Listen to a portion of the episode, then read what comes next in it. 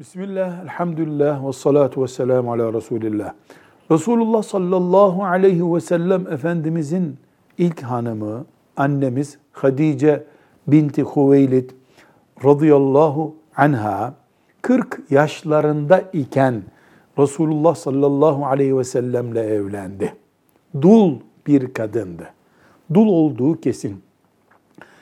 Ebu Hale ve Atik bin Aiz isimli iki kişiyle farklı zamanlarda evlenmişti ve onlardan da çocukları vardı.